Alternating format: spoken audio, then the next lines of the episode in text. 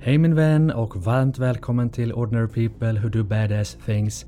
Idag kommer jag att träffa Svante Gabran som är en av grundarna till Xlash som har blivit en jättesuccé och nu omsätter över 100 miljoner kronor. Vi kommer såklart som vanligt att gå igenom Svantes företagsresa, hur viktig en coach har varit för framgången, men som vanligt kommer vi också att snacka om Svantes vanor, rutiner och hur han behöver vara varje dag för att bygga ett bolag som växer extremt snabbt. Så det här min vän är ett samtal du inte vill missa där vi verkligen kommer gå på djupet i hur man bygger ett riktigt tillväxtbolag. Mitt namn är Gustav Oskarsson. Varmt välkommen!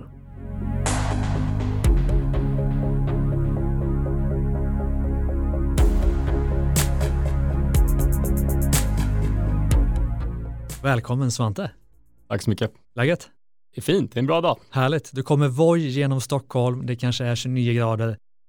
Du ser lite svettig ut. Jag är svettig efter den här resan. Jag, jag sprang genom parken här utanför också så Ja. det är uh, för att hinna i tid. Som tur var var jag också lite sen med studion.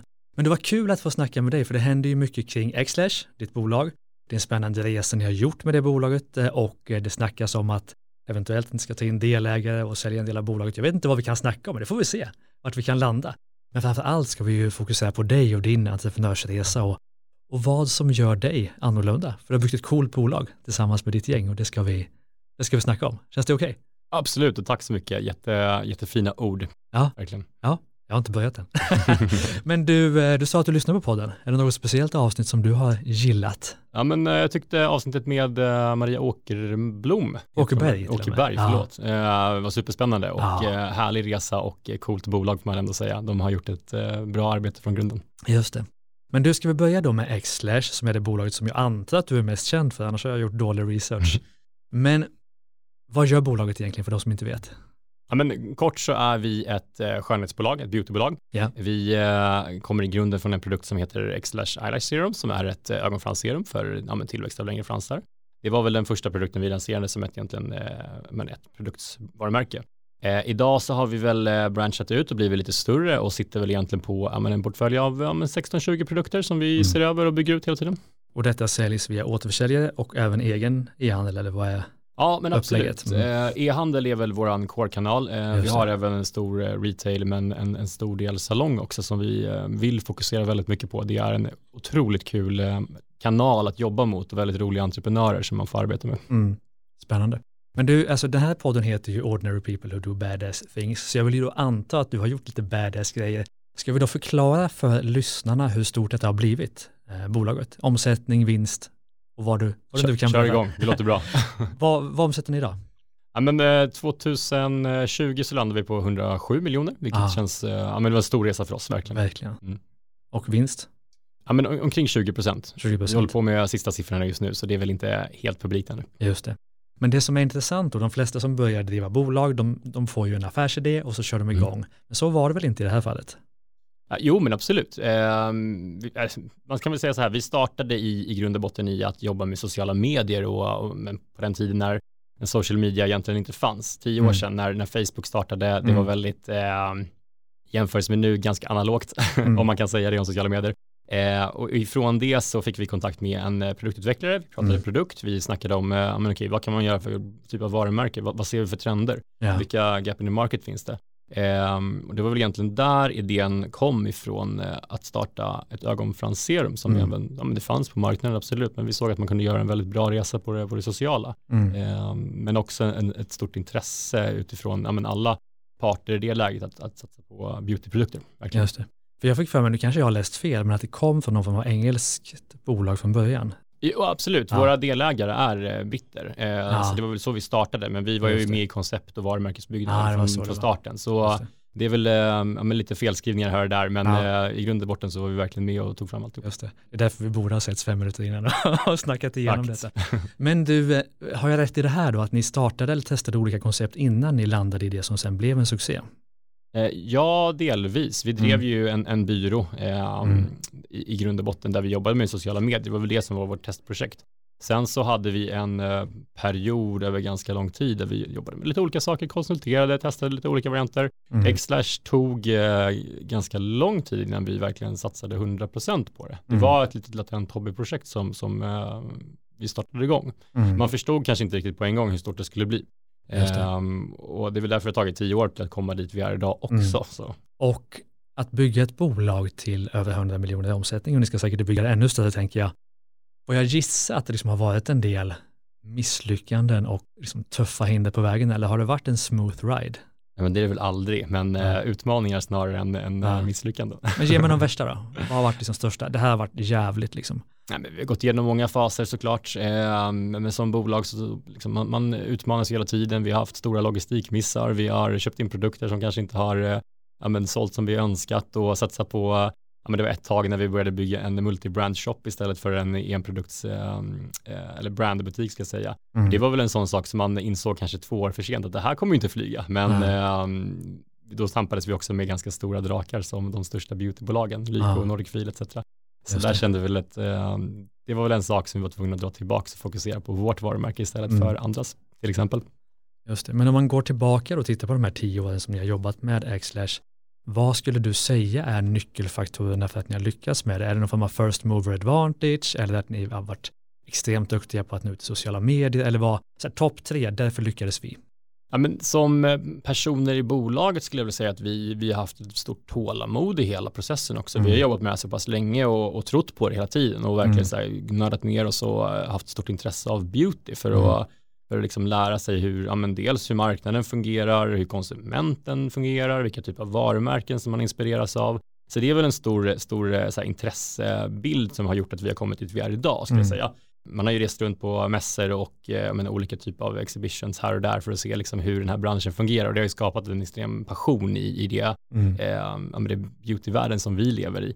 Eh, sen utöver den liksom, delen av vårt intresse så skulle jag säga att eh, högt fokus på att göra det väldigt bra och jobba lite extra varje dag helt enkelt. Ja, det låter ju väldigt enkelt. Jag tänker mig så att det är många som vill skala upp sina bolag, Mm. som omsätter kanske, som kanske jobbar med en e-handel eller säljer någonting digitalt, omsätter någon miljon och tänker, fan, här finns det en potential, men jag lyckas inte skala upp. Så om vi istället ställer frågan så här då, vad tror du är viktigast för att gå från att vara en, en liten, litet företag eller en liten e-handel till att verkligen få den här farten som ni har fått nu?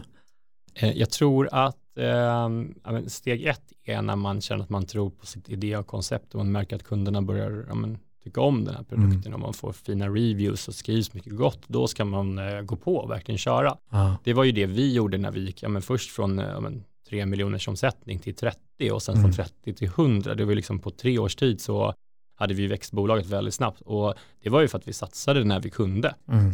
Så fort vi såg att det här började flyga så bara, men nu öser vi på och kör Mm. helt enkelt. Det var Men vad innebär det liksom? Bara, nu kör vi, anställer vi massa folk och hoppas på det bästa eller nu tar vi in kapital eller nu, vad gör man? Det kan ju inte bara vara att jobba hårt.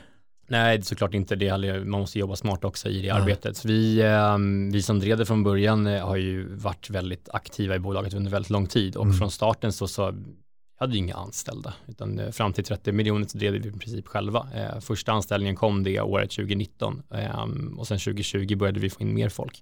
Så vi har ändå varit ett ganska tajt team under lång tid, men vi har väl eh, kört på helt enkelt och, och fokuserat väldigt mycket och eh, mycket passion i det arbetet. Mm. Så eh, det, det har varit en, en eh, tuff resa, rolig resa med högt fokus på att göra det bättre. Och sen när man kollar så här, kanalspecifikt och hur vi har Mm. arbetat för att växa bolaget så har vi Mm. ju satsat så här, alla pengar vi, vi äger på att göra det bra och all tid vi har också. Mm. Så det har ju varit eh, kombinationen av att försöka bli eh, bättre i alla kanaler, men ta in eh, kompetenta konsulter och resurser runt omkring också för att fylla de luckorna som vi har haft i, i arbetet. Mm.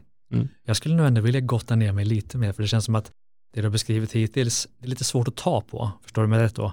Det vill säga, ja men okej, nu ska vi växa med en e-handel till exempel. Mm. Och hur gör man det då? Är det micro-influencers eller är det en speciell e-handelslösning? Eller liksom, vad, är det, vad är det man kan få ut av det ni har gjort som andra kan lära sig av?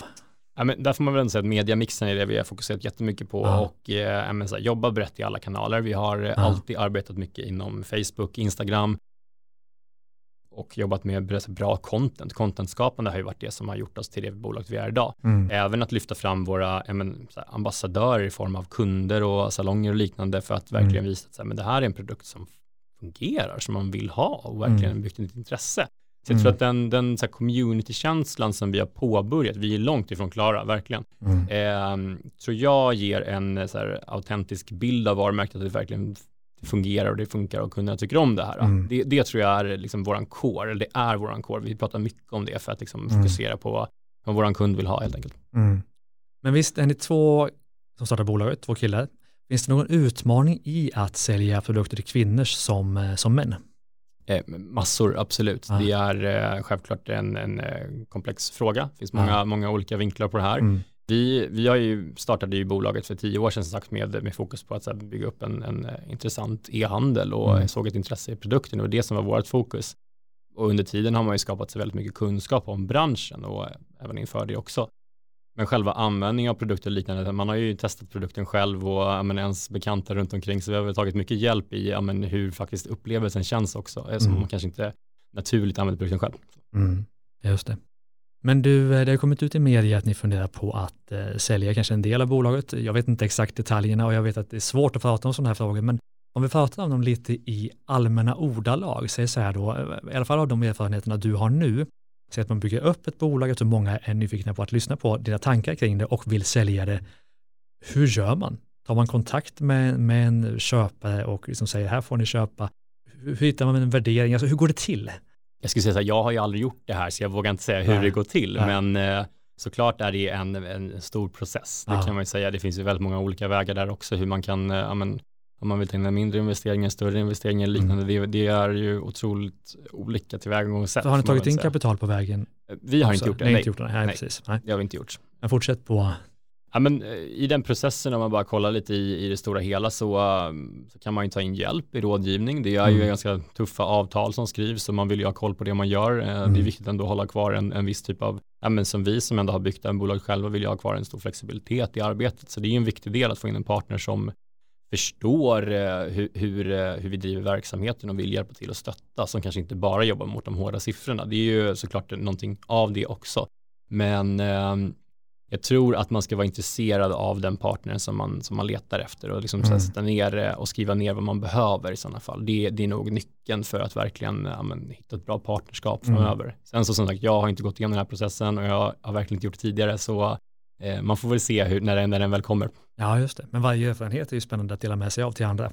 Och det som jag ändå vill komma in lite på, det är ju alltså, hur värderar man ett, ett bolag i, i det här fallet ett produktbolag, men ändå ett e-handelsbolag hur gör man det? Finns det så här, den här multipeln gäller alltid eller hur har ni tänkt? Det är också en väldigt eh, stor fråga hur, ja. man, hur man värderar, men det ja. har väl med eh, ja, men omsättning, vinsten och liknande att göra. Eh, hur attraktiv produkten är, vad man ser för skalbarhet i det också. Eh, det, det, det, tror jag är någonting som man verkligen får räkna in i den kalkylen. Mm. Sen så, ja men ehm, alla bankinggubbar som finns där ute vet väl exakt hur det här går till och jag, jag ska ja. inte svara för dem hur, hur komplext det här egentligen alltså, är. Det man, man, vill ju lyssna på dig snarare än en bankinggubbe ja. liksom. För de har ju sina kalkyler och det är ja. kul att veta när man kommer från entreprenörssidan, mm. okej, okay, man har gjort en resa, man kanske antingen vill ta in kapital eller sälja en del av bolaget eller sälja hela bolaget. Mång, det finns ju inte så mycket att läsa om det, för det finns liksom ingen standard. Det är mm. därför det ändå är intressant att få, få en bild av hur man ska tänka, även om du inte kan säga att det ska vara ebitda gånger fyra, så ah, tankarna kring det tycker jag ändå är, är spännande. Jag tror någonstans får man eh, söka i sina nätverk och fråga personer som har gjort det här för ja. att hitta insikter. Det är, det är en stor process och då behöver man ju försöka samla på sig så mycket kunskap som möjligt. Det är, de, de flesta människor har inte gått igenom en sån här process och då tror jag att man behöver ta lärdom av, av eh, folk som har gjort det, för det ja. är en helt ny värld. Och, och det tror jag, det, det, kan man ju ge som tips, att verkligen är, står man inför den resan, prata med folk och, och se vad man kan göra. Vad är viktigt egentligen?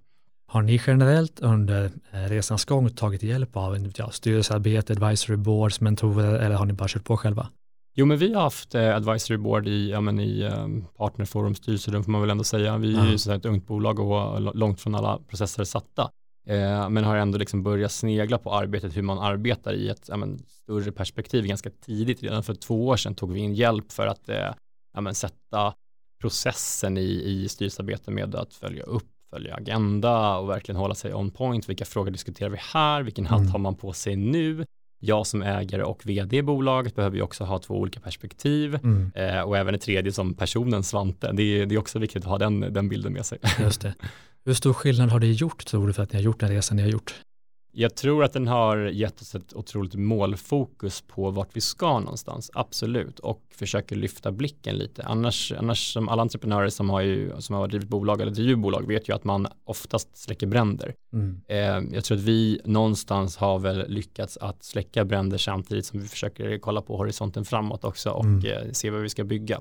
Så vi har alltid haft en ganska en tydlig vision framåt, vart vi ska någonstans. Vad är det här bolaget på väg? Mm. Det, det skulle jag säga är en av våra styrkor som, som företagare. Just det. Och vart är det på väg nu? Oj, det är eh, stort på väg. Ja. vi, vi, Men snackar vi, nu ska vi ta miljarden eller är det inte ekonomiska mål utan nu ska vi nå så här många eller vad är?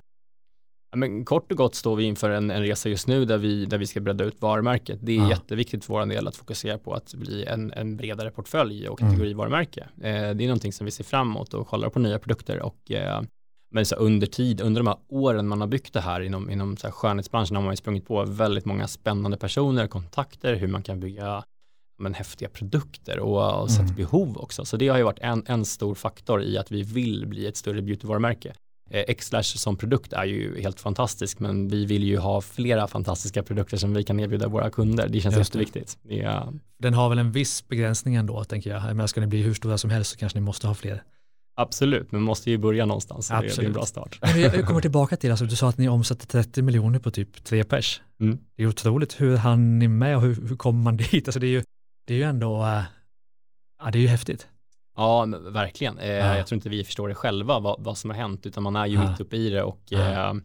eh, Gjorde ni allting själva då? Med det? Nej, men man tar ju in hjälp också. Vi, vi har haft konsulthjälp och, och liksom olika lösningar och Klart. tagit in äh, men, designers och liknande på, på kontrakt som man har haft. Men, äh, men äh, ändå koordinerat alltihopa. Så man har jobbat i alla kanaler, man har jobbat med alla typer av delar i verksamheten. Allt från att packa ordrar, svara kundtjänst till såklart sätta den strategiska bilden. Så nej, men det, det är väl fokus på många platser i mm. det här huvudet just nu. Men hur mycket då, om vi tar den period du jobbade som mest, jag vet inte om det är nu eller då, men hur mycket jobbar du då? Nej men jag har väl alltid arbetat ganska mycket får man säga, jag är entreprenör i livet, så man har ju eh, kanske inte haft de här vanliga sex veckors semestrarna som, som man har. Um, men det har alltid varit mycket arbete såklart. Um, Vad snackar vi då?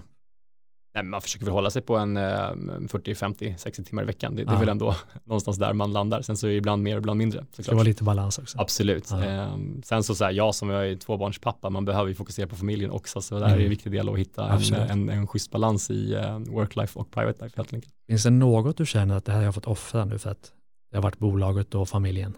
Ja, massa såklart. Ah. Det, det har ju tagit jättemycket tid och fokus. Så man yeah. har ju, ja, men, offrat tid framförallt. Det är ju det man, man lagt ner på det här. Mm. Eh, och, och sen så har man ju huvudet på verksamheten hela tiden. Det, det är en, mm. eh, men i och med att man, eh, man har ju stor respekt för företagandet och framförallt nu när vi har anställda i bolaget också så eh, måste man ju se till att vi, vi går runt och så att mm. alla kan känna sig nöjda och, och, att det är en bra verksamhet helt enkelt. Det är jätteviktigt. Mm. Men du, låt oss snacka lite om dig då. Nu har vi snackat bolag och det är kul. Men du, vi ska ju träffas och snacka du och jag för att jag vill veta mer om, om dig och du vet att titeln på, på podden är ju Ordinary People Who Do Badass Things. Alltså, om du bedömer dig själv någonstans utifrån, upplever du dig själv som en person som skiljer sig från mängden eller känner du dig som en vanlig människa? Ja, jag, är, jag är en helt vanlig människa såklart, ja. eh, som alla andra, men eh, jag, jag, har mitt fokus på vår verksamhet, det är väl det ja. som är kanske min, ehm, eh, det, det jag fokuserar på helt enkelt. Ja. Men varför har just du lyckats då? För alla vill ju bygga stora bolag, inte alla, men många som lyssnar på den här podden. Jag tror att någonstans har man alltid haft en stor eh, ödmjukhet inför det här uppdraget som gör mm. och att man har sett att det finns en möjlighet att göra någonting stort. Det har varit en, eh, en viktig drivkraft i mig. Jag har alltid velat ha det lite längre. Jag tror att den inställningen och så passionen i arbetet har gjort att, att man kan driva på så mycket som man gör, verkligen. Mm. Mm. Menar att ni har blivit stora, beror det primärt på att ni har velat bli stora eller är det egentligen flyt med att ni har blivit stora tack vare god timing eller något annat? Jag skulle säga att det är en eh, dedikation på att vi vill växa bolaget först och främst. Men sen såklart tajmingar tillkommer ju alltid. Vi har ju haft eh, tur i, eh, i massa olika ärenden. Så såklart mm. man har haft, gjort en bra satsning och bara, nu tog det av, nu kör vi på, nu kan vi lägga in mer. Så det har ju varit eh, men, olika, olika typer av eh, saker som har påverkat vårt, vårt, vår växtverk. Kan man mm. säga. Men låt mig försöka förstå dig som människa då. Att, menar, vem var du som ung? Var du en driven entreprenörstyp eller var du någon helt annan då? Mm, du är fortfarande ung ska jag säga, men yngre i alla fall. Tonåring. Nej, men som, som ung så har man väl alltid haft ett stort intresse på saker som jag tyckte var roligt. Det får jag även säga. Det, det märker man på mina skolbetyg. Vissa är jättehöga och vissa är jättelåga. Ah. Så när jag har hittat någonting som jag känner att det här är min grej så har Ah. jag tyckt att det är väldigt roligt och jag tror att det är väl kanske någonting som eh, ja, men min mamma sitter tillbaka på som säger att ja, men det, det stämmer nog. Mm. Men upplevdes du, tror du, som annorlunda när du var ung eller var du en i mängden? Eh, Nej, jag skulle nog inte säga att jag var någon, någon speciell person, utan man var ju väl tonåring och eh, hade sina saker för sig såklart. Eh, men jag stack inte ut på det sättet. Nej. Men var då, var då i livet kan du se att här blev det en brytpunkt, här tog mitt liv en väg som gjorde att jag är där jag är idag? Jag skulle vilja säga att när man, när man började förstå att man kan driva bolag och påverka sin, eh, sin eh, framtid, det, det var väl någonting som Ja. ändå, eh, och, sin livssituation får man väl säga, alltså Mm. att, att jobba som entreprenör är ju jättekrävande, men samtidigt så har man ju också en frihet i arbete, så det, det är positivt. Så Mm. Eh, när det tog fart får man väl ändå säga att det var då man kanske ställde om hur man tänkte på vart man ska någonstans, helt Mm. klart. Eh, och sen så har man ju eh, men, skolat sig själv i det och det har väl påverkat jättemycket också, Mm. att man har väl sökt mycket information och mycket men, dedikation i det man håller på också. Men vad fick dig att inse då att den möjligheten finns? Att Nej. gå en annan väg? Nej, men när, när eh, ja, tillbaks till grunden när man startade bolag så var det väl att man vill, vill hitta en cool idé helt enkelt och jobba med någonting som var fritt. Eh, något som man kan påverka själv och liksom vara sin egen chef på något sätt. Det var väl första. Och sen så här, när, när första lönen trillade in från ett eget bolag, det var ju Mm. så här, wow, kan man tjäna pengar på det här? Just Eller det. kan man liksom, eh, eh, inte för att man tjänar så mycket på första lönen, men Mm. eh, att man ändå kan påverka vad man gjorde. Så det, Mm. det, var, det var verkligen en, en så här första, eh, där klockan slog helt enkelt. Ja, för du hade bolag innan detta också. Eh, Ja, men jag har haft eh, enskild Va, firma. vad har du kört för andra bolag?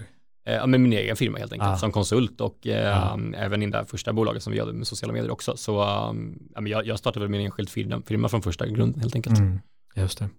Men du, det är alltid nyfiken på, det är ju människor som lyckas väl. Jag upplever att det finns två typer, de som bara kör på, jobbar hårt och är glada. Och det blir någon form av framgångsfaktor. Och sen så finns det de som verkligen försöker jobba smart, tänka till, optimera företagandet, optimera livet. Allt ifrån när man går upp på morgonen till hur man lägger upp dagen till hur man ska bli så produktiv som möjligt. Du förstår vad jag menar? Absolut. Om, om, vi tar dig, om vi tar dig och börjar med dig privat, eh, för att du ska få liksom ut det du vill ha av livet, har du några faktorer, hacks som du använder dig av för att må bra och kunna prestera? Det där är ju alltid så här klurig fråga. Någonstans så, så här, jag hittar ju min energi och inspiration från, eh, från mina barn såklart och Mm. familj. Det, det är ju en jätteviktig del eh, i mitt liv. Eh, All min lediga tid så lägger jag ju på dem. Det är ju, förutom något paddelpass här och där, men det, är väl, det räknas väl inte in. Men helt klart att det är där man hittar energin och där man värderar att man behöver tid också, för det är ju Mm. en så viktig del, framförallt med, med två kids. Men jag vill inte nöja mig där, utan, ja men så här, när går du upp på morgonen? Ganska oregelbundet får jag säga, men Ja. någonstans mellan klockan sex och klockan eh, halv åtta. Det är väl liksom min normaltid. Jag har Mm. väl klockan ställd på 6.30 men sen så ibland lägger man kvar ett tag. Ja, och hur startar du dagen? Har du någon speciell strategi eller kör du bara som det blir? Jag, jag är nöjd med att få en, en kaffe innan jag åker till jobbet, det får man väl säga. Det är, så här, det är mycket Ja. logistik där hemma just nu, så man eh, fokuserar på att eh, få klart allting och sen så kan man dra iväg. Och låt mig då fortsätta, träning, mat, har du någon tanke kring det eller är det också bara, det blir som det blir? Eh, jo, men eh, man önskar ju att man vore mer dedikerad i träningen, det kan jag säga. Jag har varit under mitt liv, jag har verkligen eh, liksom här, försökt fokusera på det och ha en, en eh, sund hållning. Men eh, här, i dagsläget så det är det klart att det kanske kommer lite skymundan när man driver mycket. Men eh, jag har alltid som målsättning att ha en, en kalender med träning inbokad i verkligen, Mm. absolut. Samma sak vad det gäller ja, men bra kost, försöker att äta väl. Mm. Men det låter inte som att du är nördig på det. Nej, inte på den nivån. Man, Nej. man mäter inte varje gram och liknande. Det, det behövs det. inte. Nej. Men, finns det andra då saker som du gör för att må bra? Är, det, du inne på någon form av meditation eller någon form av, inte vet jag, avslappning, någonting sånt? Eh, Men man har ju testat lite mindfulness-appar, absolut. Det är väl någonting som man har testat på. Ehm, Just nu så, men jag kör stenhårt på min naprapat just nu. Det, det är det viktigaste. Ah. Det tycker jag att jag får ut mycket av. Det Okej. är väl ingen, eh, ingen jättestor eh, sån variant, men eh, det är någonting som ändå har funkat att kunna här, slappna av en, en halvtimme om dagen. Just det. Eh, Men sömnen då? Är det viktigt för dig att du ska få dina åtta timmar eller är det liksom fyra timmar och nu jobbar vi på? Jag skulle säga att jag fungerar bättre om jag får en, en sju, åtta timmar, helt klart. Men Mm. sen så är det klart att det är lite ore- oregelbundet här och där också, så det funkar bra, jag får ändå säga det. Just det. Så här hittar jag egentligen inget som skiljer dig från mängden. så då måste vi väl ändå gå in på dina arbetsvanor då, ja. om det finns något där som vi kan nysta i. Mm. Uh, för att få saker gjorda, för att få saker att hända, för att göra rätt saker, är det samma sak där att du tar det lite som det kommer eller finns det något så här, de här verktygen använder vi eller det här sättet jobbar jag på för att det ska hända saker? Men i mitt arbete har jag nog en ganska tydlig struktur. Det mm. blir som med en, en så fullbokad kalender. Man behöver ju gå ner och se till att man har luckor. Det är viktigt. Mm. Uh, försöka hitta lite pauser däremellan också. Jag kan inte mm. säga att jag är jättebra på det, men jag verkligen och försöka få in det i arbetet. Sen så vad det gäller verktyg som man har i verksamheten, det är ju, det är ju massa. Men ja. uh, så här, något som har fungerat för oss som bolag väldigt bra ja. är väl, menar, Asana som vi började med ganska tidigt, ja, men ett och ett halvt år sedan eller någonting. Och, Projekthanteringssystem. Ja, exakt. Så jag ska väl förtydliga vad det är för någonting. Eh, det, det, det, är ett jättebra verktyg för att kunna liksom följa upp processer eh, och det är väl någonting som vi eh, försöker att implementera så mycket som möjligt, att ha en tydlig liksom, ägarskapsprocess och uppföljning på det också. Just det.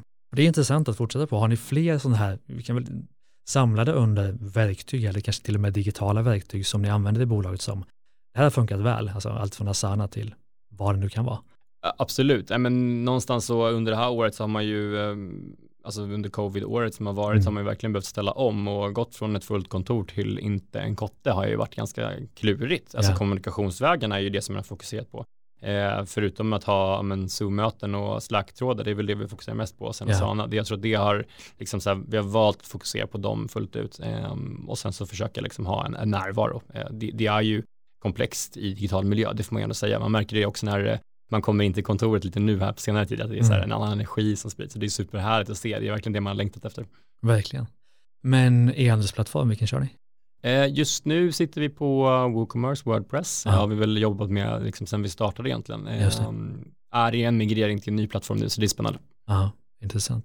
Men vad är drivkraften då? Är det liksom att nu ska jag, för dig personligen tänker jag då, är det pengar, är det balans, är det energi, är det att eh, uppnå någonting? Alltså när du vakna på morgonen, vad är det som får dig att liksom köra på? För den jobbar ju ändå ganska mycket. Jag, tycker att det är så sjukt kul, det vi håller på med. Jag, jag som du inte tjänar en spänn skulle du hålla på ändå? ja, men eh, nästan. Alltså, det är klart att man kanske behöver någonting för att gå runt där hemma också. Eh, men, men eh, motivationen är helt klart att verkligen såhär, bygga vidare. Jag tycker att, att såhär, sikta mot något stort är så häftigt att kunna påverka det själv. Det är någonting som jag drivs av. Eh, och man vill ju vara med och bygga ett stort bolag. Alltså, det är verkligen en drivkraft som jag, jag har, eh, som jag siktar på.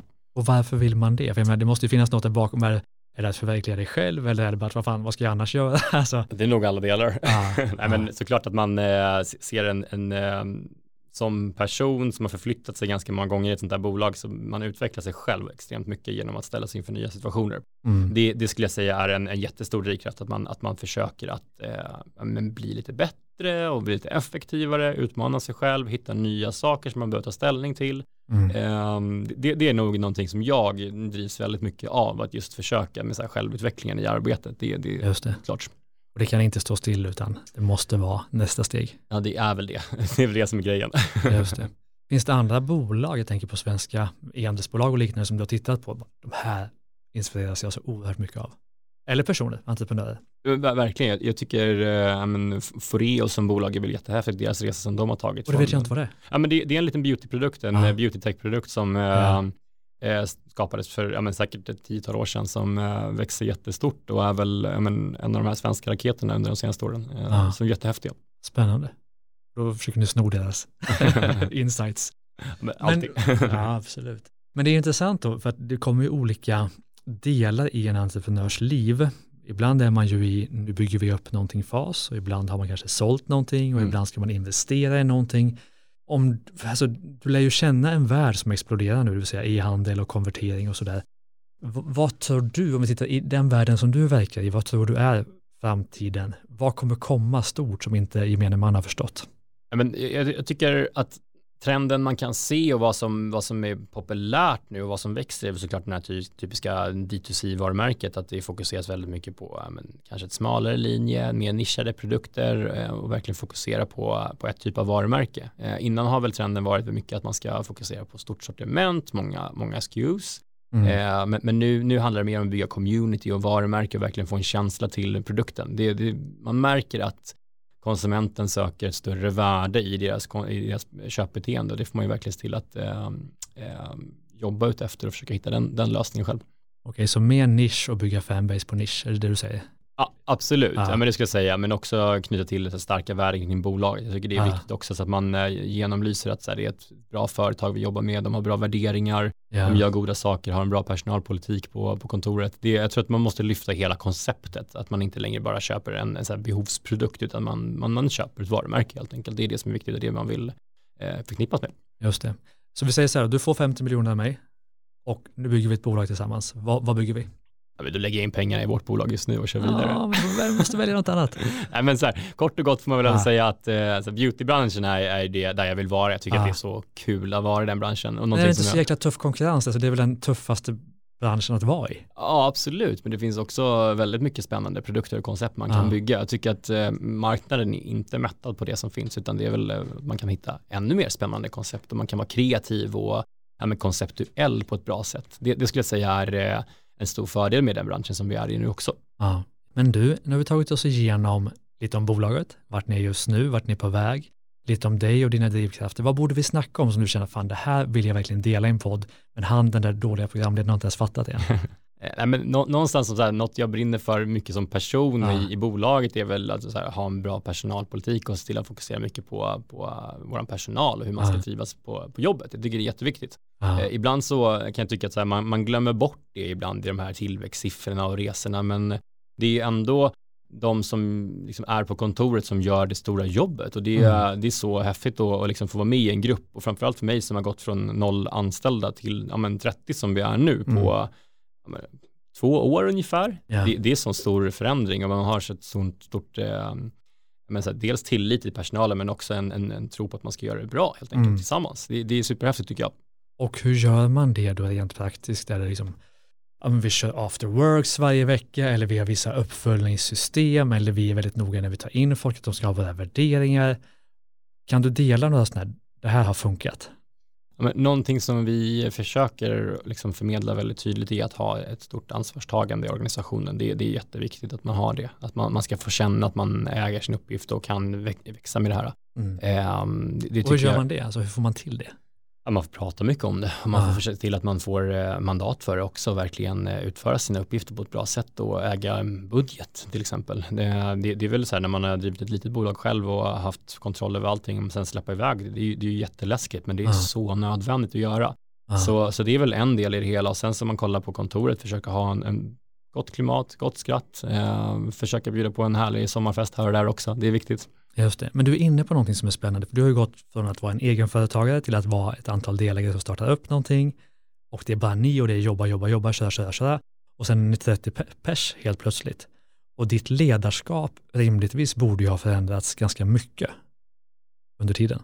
Verkligen, det har det. Hur skulle du beskriva det? Eh, nej, men från att eh, kontrollera sig själv bara, tänkte jag Ah. säga, till, till att ha en organisation och, som man har ansvar över är ju en jättestor förflyttning och eh, det blir ju en annan typ av formalitet. Man behöver ha vissa rum där man pratar om det här och vissa rum man pratar om det där och man försöker sätta på sig ja, men Svante-hatten och vd-hatten lite här och där så man får liksom verkligen försöka förtydliga vart man är någonstans när man pratar om någonting så det inte blir men så här, det ska vara personligt på ett arbete men någonstans måste man så här utgå från arbetsrollen och positionen man har också. Mm. Så det, det är väl en, en stor utmaning, det tycker jag absolut. Framförallt Mm. när man eh, har gått igenom den här, liksom så här startup-fasen, börjar komma till scale-up, då blir det ännu mer, eh, här, man, man har lite mer formella rum och avstämningar som behövs gå igenom för att det är mer inblandade som, som behöver ha koll på vad som händer. Man kan Mm. inte bara ta de här, liksom, men du, över bordet, tja, ska vi göra det här? Ja, Ja. bra idé. Eh, så, så nu måste man ändå sätta det i kontext. Just det. Men där måste, antar jag i alla fall, hoppas jag att du har gjort en del misstag som ledare på den resan. Absolut. Har, har du någon som, fan, gör inte det här när ni växer? Nej, men så här, någon gång har man väl gått ut med någonting i någon, någon tråd och sagt så Ja. det här var inte så bra inför alla och sen så får man ta tillbaka Ja. det och be om ursäkt, liksom så här, sorry, det här är fel forum Ja. att ta en sån här sak på. Eh, det, det är väldigt så här klassisk och typisk grej, det är väl bara, man försöker lära sig det och eh, Mm. det, det är klart att man inte vill gå eh, och liksom hänga ut någon inför ett team, det, det är verkligen det sämsta man kan göra och eh, det, det är klart man har lyckats göra det någon gång, men jag brukar ändå kunna vara snabb och ja, men be om ursäkt i en sån lösning om det händer. Just det. Hur tror du att du måste förändras för att bli den ledare som bolaget behöver om det ska omsätta, inte vet jag, en miljard? Eh, någonstans blir det ju att man flyttar fokus ännu, ännu längre bort tänkte jag säga och fokuserar på visionen och idén var vi ska någonstans och jobba med så tajt med ledningsgrupper som vi sätter nu och sprida mycket inspiration till teamet. Det är väl där min roll kommer vara från att vara den här operativa som hade varit med och tagit beslut i varenda fråga. Man märkte mm. det tydligt när vi varit lite fler än ja, men, ja, men 10-15 personer. Att så här, när beslutstouchpointen låg på mig så var det väldigt belastande för att det blir också så här, man belastar hela verksamheten om man är den som ska ta beslut hela tiden och ha underlag. Så äh, där fortsätta med att ge ut ansvar till, till äh, de, mm. som driver verksamheten. Men kommer du att trivas med det? Med du är van att bara så här på fixa och dona och vara entreprenör. Här blir det ju mer någon form av, jag ska inte säga manager, men någon strategi-vd liksom. Där du inte får hugga in på samma sätt. Men det kan vara frustrerande, herregud. Ja. Man vill ju få saker gjort. Det är ja. verkligen det och det, det är det man försöker förmedla också. Ja. Men jag skulle säga att det är också det jag var inne på tidigare med att försöka utveckla sig själv i sin roll så tycker jag att det är spännande också. För att se hur man kan ta sig vidare i, i sitt eget ledarskap. Eh, jag ser mig ju liksom långt från färdiglärd och jag, jag övar ju varje dag för att bli bättre på det jag gör. Jag är ju fortfarande en ganska junior ja, men chef får man väl ändå säga. Mm. Så uh, det, det, finns jättemånga delar kvar att lära och det är väl det jag ska göra nu. Det är det jag känner är liksom motiverande verkligen mm. ta det på största allvar också. Hur gör du det? Har du någon, liksom, utom min podd såklart, men har du någon sån här bok som har varit den här varit avgörande eller någon strategi eller någon modell som bara det här har funkat så väl för mig? Ja, men dels är coachsamtal en viktig del i det. det är, ja. Man sitter ner uh, någon gång i månaden och försöker liksom diskutera med någon som är utomstående. Du har en coach? Ja. Absolut, absolut. Eh, med annat perspektiv på, på verksamheten också och liksom det man gör. Um, sen så försöka ha tydliga feedbackrunder också med kollegor är viktigt. Sen så, man läser ju massa böcker såklart. Mm. Är, Vem har du som coach? Kan du? Ja, men Johannes Hansen. Ja, du kör Johannes. Ja, exakt. Han är, han är med i vårt team kan man säga. Ah, han duktig. Var, ja, jätteduktig och uh, men hjälpt oss långt på vägen och verkligen ja. så här hjälper till att zona ut lite här och där ja. också. Så att man inte... Hur stor del, nu känner jag Johannes ja. och vi, jag har ju aldrig pratat om honom med en av hans klienter, men hur viktig har han varit för den resan ni har gjort? Eller för den resa du har gjort framförallt? Ja, men jag tror att han är extremt inspirerande för mig, Aha. helt klart. Det är en, eh, en person som har hjälpt en att ta sig väldigt långt på en väldigt kort tid. Det, det, är som att äh, springa maraton i sprintfart, liksom. det, är, det, är, det är tufft. Yeah. Men otroligt utvecklande och roligt också. Så jag tycker att det är värt den, den tiden man lägger på det helt klart. Ja, det kostar ju. Men man tjänar mer på det. Ja, absolut. Tänker jag då. Men du, låt oss komma liksom, jag tycker det är intressant det här med din resa kopplat till bolagets resa och hur du måste utvecklas. Om vi ställer frågan så här då, vad skulle ditt tio år äldre jag säga till ditt nuvarande jag? Gör samma sak men lite bättre, det är väl det man kan säga. Okej, okay, det låter enkelt. Du, du får allt att låta väldigt enkelt. Jag upplever ju dig som en, en förhållandevis vanlig person och det är intressant att försöka få de här nyanserna om eh, vad ni har gjort annorlunda. Min bild är ändå att ni har varit såklart på en hel del trender samtidigt som har gjort att det här har blivit möjligt. Med produkten, väl i tiden, eh, ni har hittat kanaler att nå ut i väl i tiden, ni har varit med och ni har byggt fanbase eh, väl i tiden och ni har liksom, kanske som det jag uppfattar från dig, är att du har lyckats utveckla dig själv med bolaget. Det är ganska få som kan vara både soloföretagare och leda 30 eller kanske 100 pers och vara duktig på hela den resan. Det är väldigt ovanligt. Har jag sammanfattat vissa av framgångsfaktorerna väl då? Jag tycker det är en bra sammanfattning av vad vi har gjort och vad vi är någonstans. Det är, ja. jag tycker det ringer in bra. Ja, tack så mycket. Du, vem borde jag intervjua i podden? Ja, men eh, om, om man får ha något sånt här kort som uh, man verkligen skulle vilja lyssna in på så är det väl ändå, ja, men Microsoft vd Helene Barnekow för Sverigekontoret, hon ja. är superinspirerande.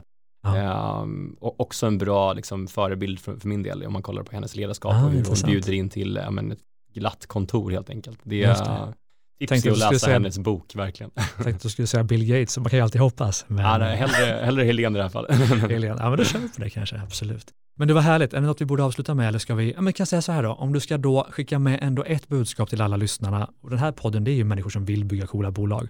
Ett budskap, det här har varit absolut viktigast, det här vill jag dela med mig när vi har byggt tillväxtbolag, vad skulle det vara? Men, någonstans får man ändå börja i vad man, vad man har för passion och vad man vill göra. Det, mm. Jag det där är essensen av, av eh, liksom företagande. Det handlar inte om att bara hitta en, en bra cool idé, utan man måste ändå gå ner och tänka på varför man vill göra det här, hur man ska göra det här och vilka uppoffringar gör man för det här också. Det är en viktig del. Så, mm. äh, men, så starkt äh, rita ner sin passion, kolla på vad det är för någonting, hur kan man utveckla det, finns det liksom en affärsmöjlighet i det och sen verkligen äh, så här, gå ner och göra jobbet från början. Jag tror att det är superviktigt för att lära sig verksamheten. Det mm. är, mm. det är verkligen ett, ett, tips som jag tror är viktigt att gå igenom. Eh, framförallt i, i små nystartade företag så är det jätteviktigt, där man kanske inte har chansen att anställa sin första på en gång, utan man verkligen går ner och ja, men ska maximera sin, sin idé och tanke som man har. Det, Mm. det är väl mitt starka tips, att eh, vara passionerad och eh, ge det tid. Mm. Härligt. Tack så mycket Svante. Stort tack, kul att vara med. Tack till dig som lyssnar. Du hittar våra poddar såklart där poddar finns. Där hittar du förstås även våra andra poddar, Starta eget-podden och Business Hacks. Vi hörs snart igen. Stort tack för idag.